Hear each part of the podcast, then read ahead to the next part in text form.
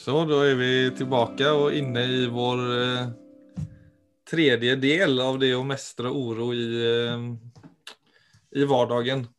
Eller livet generelt, kanskje det egentlig handler om. Og vi har jo da snakket om Første delen var jo det om hva vi har kontroll på, og hva vi ikke har kontroll på. Og andre delen var Hva, fa- hva var det? Jeg er så, jag är så her og nå vet du, i samtalen, så jag... Nei, men det har, hva var det? Det minns jo Det her kanskje vi klipper bort eller ikke, men hva var det? Det var Du husker, du minns inte heller? Du lyssnade på den, du lyssnade på den episoden i går. Fikk jeg helt jernteppe, jeg òg, når du sa når du skulle ramse opp. Eh, det var selvfølgelig at eh, suksess er å være et godt menneske. Ja. Og da vil du snakke om selvdisiplin i dag, som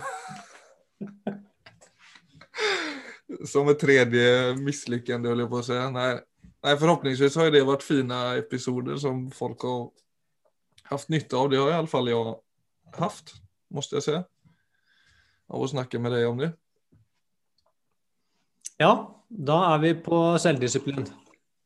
Mm. Og der sier eh, stoikerne noe som ved første, første gang man hører det, kan høres ut som en skikkelig selvmotsigelse. Selvdisiplin gjør deg fri.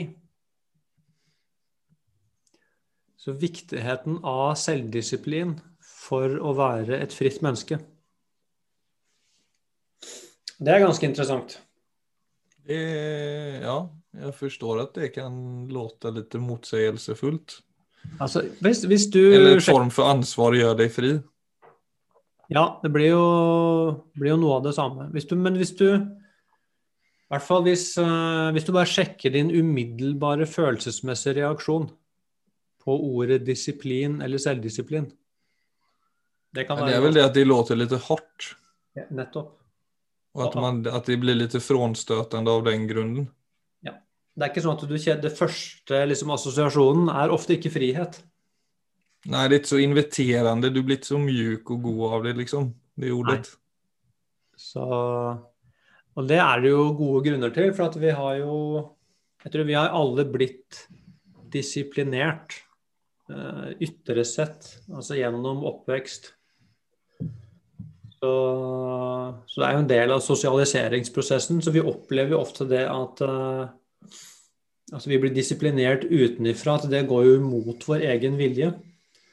Så derfor så har vi ofte et litt sånn kampforhold til dette med disiplin. Nesten som et nødvendig onde. Så det er veldig mange som opplever eh, frihet altså som det motsatte. Altså friheten ved å gjøre opprør mot egentlig alle disse ytre faktorene som skal disiplinere oss. Mm. Så, så det er viktig å forstå da Nummer én er egentlig å forstå altså sine egne sånne umiddelbare responser på hele den tematikken. Det tror jeg kan være ganske nyttig å finne ut av. Jeg må si selv i mitt eget liv, altså dette med selvdisiplin har vært kjempevanskelig. Jeg vil si det er egentlig ikke noe jeg har forstått ordentlig, kanskje før de siste fem-seks åra. Jeg har alltid hatt den at uh, dette med altså det å være en rebell og det å gjøre opprør, altså det er bare et, et mønster som jeg har plukka opp tidlig i livet. Så jeg har alltid assosiert det med frihet. Så det har vært veldig vanskelig alltid med, med selvdisiplin. Til og med når jeg egentlig, en del av meg har forstått hvor viktig det er, så er det en del av meg, en annen del av meg som har sabotert det. Så det har alltid vært veldig vanskelig å få inn altså en god flyt i i egentlig ting som jeg vet er bra for meg. Altså Det er bare de enkle tingene som de fleste sliter med. Det er jo å spise sunt over tid, uten å måtte gå på sånne dietter hele tida, men finne en måte å spise på som er bærekraftig. Det å trene fysisk på en måte som er jevn og bærekraftig. Altså sånn I Mm. vår verden som driver med mindfulness, det å faktisk klare å etablere en regelmessig jevn meditasjonspraksis. Altså de Mm. tingene som som vi alle vet er dette er jo superbra for meg. Og når jeg gjør det, når jeg har perioder i livet hvor jeg gjør dette jevnt, så har jeg det veldig bra med meg selv. og plutselig så kollapser det allikevel. Mm. Ja. er jo ganske, vi er ganske interessante vesener. ja, hoppløse. Ja, men- Nei, men det er, jo, det er jo, som vi har vært inne på lite, det er jo liksom en del av det, som du sier, å være människa. Och falle litt inn og ut av den type ting. ja, nei, det er uunngåelig. Men det å rydde opp i forestillingene sine rundt dette, det er jo ofte en, eh, altså en, et godt første skritt. Så det Ja, for det som du sier, at det er naturlig at det kan komme et sånt oppror mot sånne strukturelle ordninger som man har vokst opp med. Men så er det jo på en måte å bruke det konstruktivt sen. För det är väldigt vanligt ett sånt uppror bara stoppar med att man man bara vill ut av något, men så är det inte nödvändigtvis lätt att få ny rättning. Nei. Og jeg tror jo ofte Vi er jo nødt til å forstå oss selv. Så det er jo i det er jo i forståelsen at disse tingene slipper taket. Men så er det klart, vi bruker jo ofte viljen. altså Vi går inn veldig sånn maskinelt. Og skal Det er ikke det at vi blir tvunget utenfra lenger. Vi begynner å tvinge oss selv inn i disipliner som eh, Så klart, det funker ikke. Da blir det, da blir det også opprør. Men det at vi ikke helt kommer, Altså det å, å få, få den selvdisiplinen på plass, da. Altså just, just av den grunden at man så ofte faller ut at du trener, du har trent i to veckor og så plutselig så går det noen dager, og så har du ikke tränat. Mm. Eller du tror at du har fått til en meditasjonspraksis. Og så som du bare kjenner det her er så bra for meg, og det sitter 100%. Men så forsvinner den også etter hvert. Ja. Er det, Altså, er det, Vil du si at det liksom er kjensler i, Altså det er kjensler känslor såklart som hele tiden gjør at vi tar nye beslut og ibland beslut som vi ikke vil ta. Ja. Ja, det er definitivt følelser. Altså det er de som eh, det er de som dukker opp og plutselig tar meg i en annen retning. Det er helt klart. Alltid en følelse. Så det er det man må få øye på innan den tar en på en måte.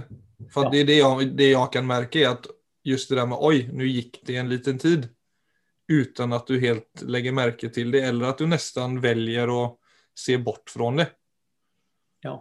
Men det er jo liksom, för det har jag ju märkt när jag för exempel har praktiserat mindfulness och meditation en del.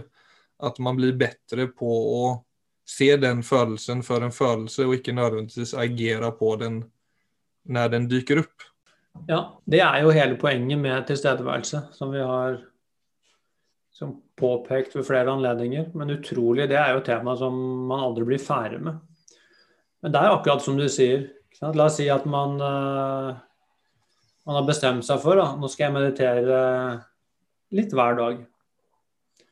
Til et fast tidspunkt. Det gjør det alltid lettere å etablere en vane. Og så kommer det tidspunktet, og så kjenner man bare sånn en eller annen form for motstand. Man har ikke lyst. Det er bare det. Jeg har ikke lyst. Og hvis ikke du er til stede da, så vil jo den For det er jo en følelse, det er en følelse av ikke å ha lyst. Så vil den følelsen bare automatisk trekke meg inn i en annen aktivitet enn å sette meg ned og meditere. Det skjer, det skjer sånn. Og sånn er det jo med alle disse andre tingene. At hjernen går bare minste motstands vei, og den eh, faller da heller inn i en aktivitet som er forbundet med en umiddelbar god følelse. Og ikke da den lille anstrengelsen som jeg trenger for å f.eks. sette meg ned og meditere, eller gå og trene, eller hva det enn måtte være som man driver og jobber med. Så, så nummer én er jo å bli klar over det. Det krever en form for tilstedeværelse.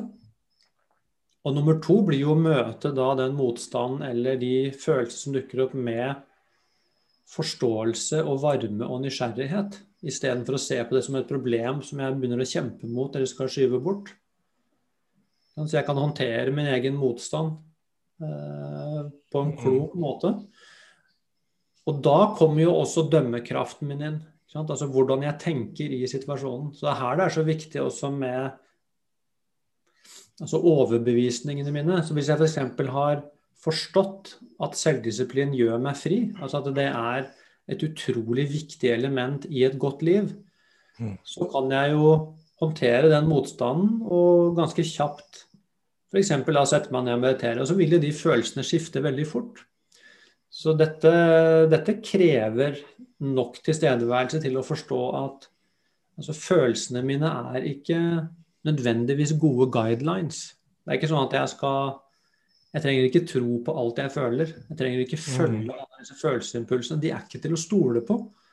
Fordi, så jeg må lære meg å se forskjell på de følelsene som egentlig bare er sånne litt sånn syting og klaging på overflaten. Det er det jo viktig å lære seg å gjenkjenne og slippe tak i. Og så er det mer de, det jeg vil kalle det dype følelseslivet. Det er jo også følelser som trekker meg mot uh, altså selvrespekt, integritet. Altså den virkelige fornøydheten med meg selv. Og der vil du se at selvdisiplin kommer inn som en veldig viktig faktor. Her er det også viktig at det er selvdisiplin, så ikke jeg har masse prosjekter som er eh, Som egentlig er ytre. Så det er veldig viktig å finne ut altså, hva er et godt liv for meg? Hva er det jeg trenger å gjøre hver dag eller regelmessig, sånn at jeg er fornøyd med meg selv? Så, så det er jo ikke det samme for oss. Så, det, så, det så alt det vi snakker om her, krever jo en sånn minsteform av selvinnsikt, hvor jeg har begynt å gjenkjenne mer den autentiske stemmen i meg selv. Og så er det begynne å, å få det på dagsorden. Mens uh, for det jeg vil si, det, det jeg tror stoikerne peker på her, altså sånn med at selvdisiplin gjør deg fri, det er at vi mennesker vi er bare laget sånn at vi trenger å være i bruk. Det er nesten som om uh, at alle lysene i oss mm. på som et juletre. Altså at alle lysene må skrus på. Dvs. Si alle de evnene, alle ressursene, alle kreftene vi er født med, de skal aller helst være i bruk. For da har vi det best. Ja, for det tenker jeg på altså just når du sier det å få Alle har liksom sin måte å fungere på. Man, man liksom har en ambisjon om hva man vil få til for at livet skal bli bra. Men så er det det at du har jobb, du har kanskje barn, du har partnere. Du har liksom Som gjør fine ting, så klart. Og så skal du kombinere de fine tingene med ting som kanskje går mer på ting du gjør på egen hand, som får ja. deg til å må bra. Men jeg har jo merket det at om, jeg, om det er motstand på jobb, f.eks. For, for jeg tror det er en sånn ingrediens av tilstedeværelse som egentlig bygger den selvdisiplinen her. For det er noe hvis jeg ikke vil være på jobb, så får jeg det veldig mye bedre på jobb om jeg enda bestemmer meg for å være til stede på jobb. Topp. Og hvis jeg f.eks. er hjemme og det er full kaos, og jeg merker at jeg liksom flykter litt i sinnet mot kontoret for å sitte og hamre på tangentene i stedet for å være i det kaoset, så velger jeg oftere å være i det rommet gjerne fullt oppmerksom, og liksom ikke bruke mental energi på å fly derifra. Som også bygger en sånn ryggrad. Altså det at man, man velger å være også i utfordrende situasjoner med sin oppmerksomhet. For at det i seg selv mener jeg da skapar en sånn självdisciplinerande rolle. da. Så, det med, så jeg vil egentlig bare poängtera det med tillstädevärelse, hvor viktig jeg syns den ingrediensen er for å skapa självdisciplin. Absolut. Det er, alltså det, det som et verktyg i alle situationer som også man naturlig kanskje vil fly fra iblant. Er, der er du spot on. Jeg tror er, Her er du ved sakens kjerne. Det er vår Altså, hva er det som eier valget mitt? Altså, er det det at jeg bare For at selvdisiplin handler jo nettopp om å egentlig si ja til en utfordring. Uansett hva den måtte representere. Så Det er nesten som det er to systemer i oss. og Den ene søker bare hele tiden minste motstands vei. Og det er jo den Den presenterer seg ofte som veien til lykken. Den sier åh, bare la meg bare komme ut av dette, sånn at jeg kan få en bedre følelse. Så det er sånn veldig korttidsperspektiv. Mens akkurat det du sier der med å, å ha skjønt at det å bli i en vanskelig situasjon, og heller gi det min fulle oppmerksomhet, så, så transformeres selve situasjonen. Nettopp fordi jeg ikke viker unna, men går inn i det med min fulle oppmerksomhet. Så det, det vil jeg også si er kommer innunder det som er dagens tema, nemlig at selvdisiplin gjør deg fri. Så, så veldig viktig poeng. Det er ikke bare disse tingene som trening og mat og meditasjon, men det er egentlig alle situasjonene i hverdagen. Så... Ja, for det er noe med det at jeg har liksom ofte flytt til meditasjon og flytt til jogging og flytt til tur i skogen og flytt til en vennskap eller whatever for å, for å liksom finne den balansen og få det bedre med meg selv. Men så har jeg iblant glemt hele den mentale holdningen. Mm. Som faktisk kanskje er problemet. Altså hvordan jeg forholder meg til situasjoner, hvordan jeg møter situasjoner. Den, det der mentale jobbet i, i hverdagen. Absolutt. At det er der man også må legge veldig mye vikt vid. For alt annet blir på en måte Du opprettholder stabilitet i kroppen. Men å bare gjøre alt det der uten å gjøre en mental innsats også i selve livet mm da er det ikke sikkert at det blir en, en endring som, som, kanskje kreves for for å både leke og vokse. Det er på en måte, egentlig altså Selvdisiplin handler jo i stor grad om hvordan du bruker oppmerksomheten din. Men det handler også om hvordan du klarer å skille ut alle de impulsene som hele tiden dukker opp i kroppen sin. Så det blir på en måte til syvende og siste spørsmål, og det er jo egentlig fra øyeblikk til øyeblikk. Hvem er det som eier livet mitt? Altså er det jeg, eller er det bare masse ytre impulser som, som trekker meg av gårde, og så henger jeg bare etter? Så, mm. så det, er, det, er, jo nettopp dette med altså Selvdisiplin handler jo nettopp om dette med å få en ryggrad. Og en annen måte å si det på Altså vi får kontakt med grunnfjellet i oss selv. Altså vår egen iboende eh, styrke. Og den, kommer, den, får vi selvfølgelig ikke kontakt med hvis vi hele tiden viker unna det som er utfordrende og vanskelig. Så med en gang, altså Hver gang vi viker unna, så gir vi samtidig en tilbakemelding til oss selv, altså helt ubevisst, om at altså, jeg er ikke sterk nok til å håndtere dette. Mhm så får vi på en måte en, på en måte i psyken vår så får vi den umiddelbare gode følelsen av å slippe unna. Men samtidig så får vi da den dårlige følelsen av at, altså et lite sånn åh, mm. Det er noe i oss som synker litt sammen. Svekket, ja. Sånn det, så det påvirker selvbildet vårt, og det er der krisen ligger. Mens det å hele tiden si ja til altså Det skal jo porsjoneres ut. Der kommer klokskapen inn. Jeg må porsjonere ut utfordringene mine i forhold til hva jeg tåler. Men det å finne grensen sin, sånn at jeg utfordrer meg selv litt hele tida. Mm. Som handler da egentlig om jeg må ut av komfortsonen. Altså Komfortsonen er ikke en vekstsone. Mens litt ut av komfortsonen, da er du egentlig i vekstsonen din. Hvis det blir altfor mye, så blir vi for redde, og så trekker vi oss inn i hula vår igjen. Så, det ja, helt... det er en fin balanse.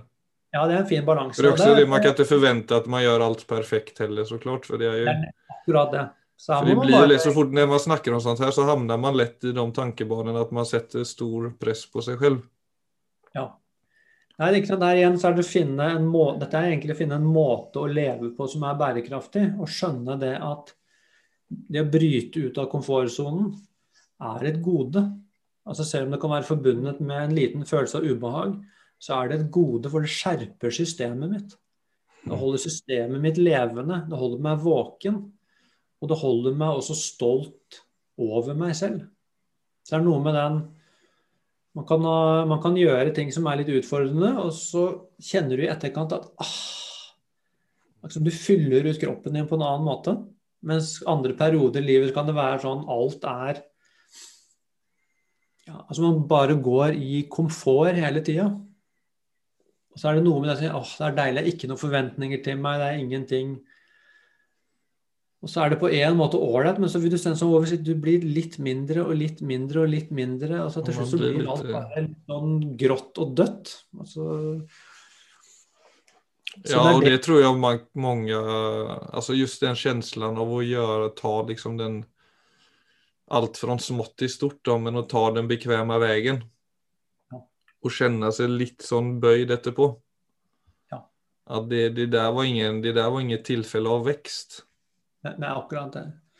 Så det, så det tror kan være en veldig nyttig innfallsvinkel, det vi snakker om nå, så ikke dette blir ytre regler, det er jo at den enkelte går inn i seg selv og virkelig kjenner etter altså, hva er egentlig frihet?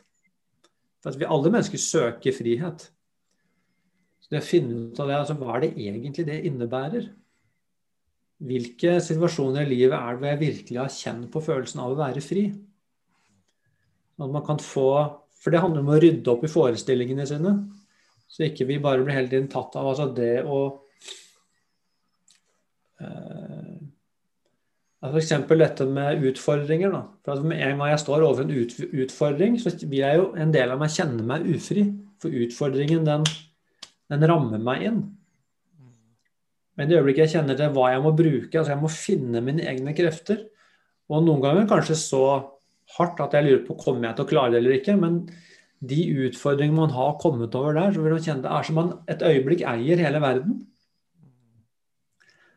Man bare fylles av stolthet. Det er en enorm glede.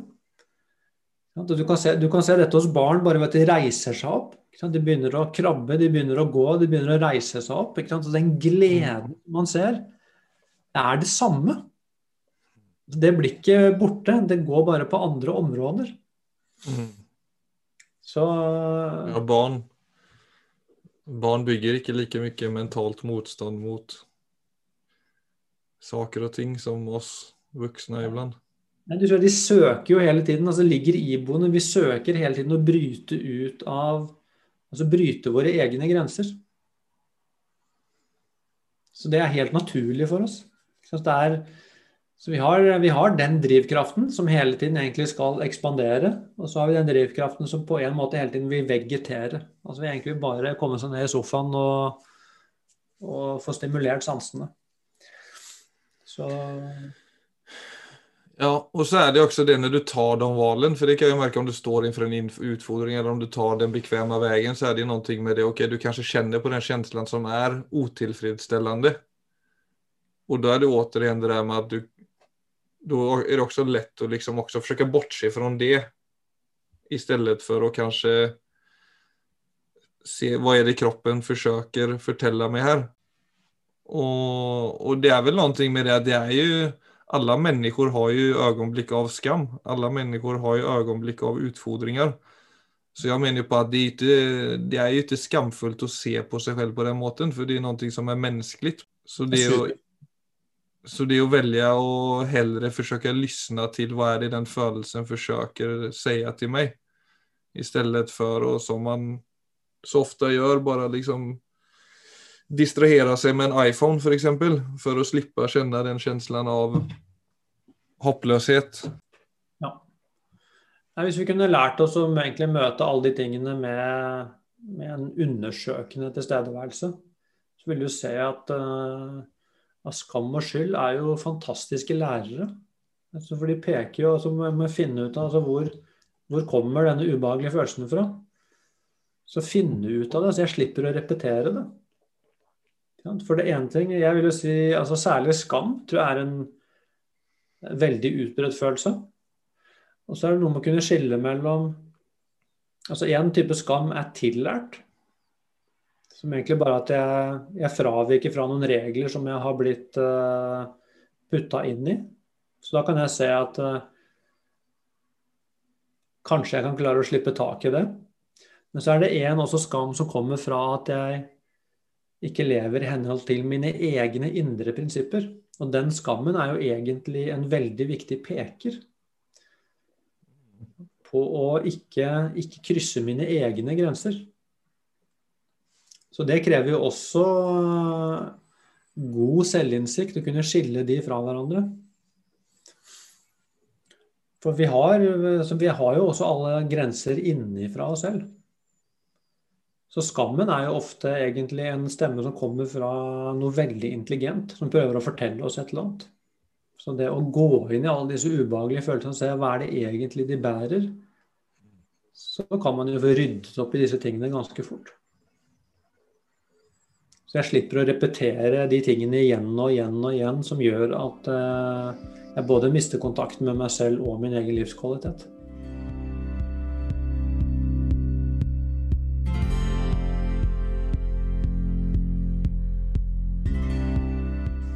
Ja, jeg, jeg liker denne guiden vi er inne på her. Jeg syns jo ja, kanskje vi skal bytte navn til stoisisme med Viggo og Filip etter hvert. altså, stoisisme og mindfulness er to, det er to sider av samme sak. Ja. Så vi kjører Det blir vel sikkert en del fire, tror jeg. For det er jo noen prinsipper som, som vi syns er veldig, ja. veldig aktuelle og fine å snakke om. Det er et par til som jeg tror eh, som er veldig relevante å gå gjennom. Da kjører vi på det. Flott. Vi høres neste uke, alle sammen.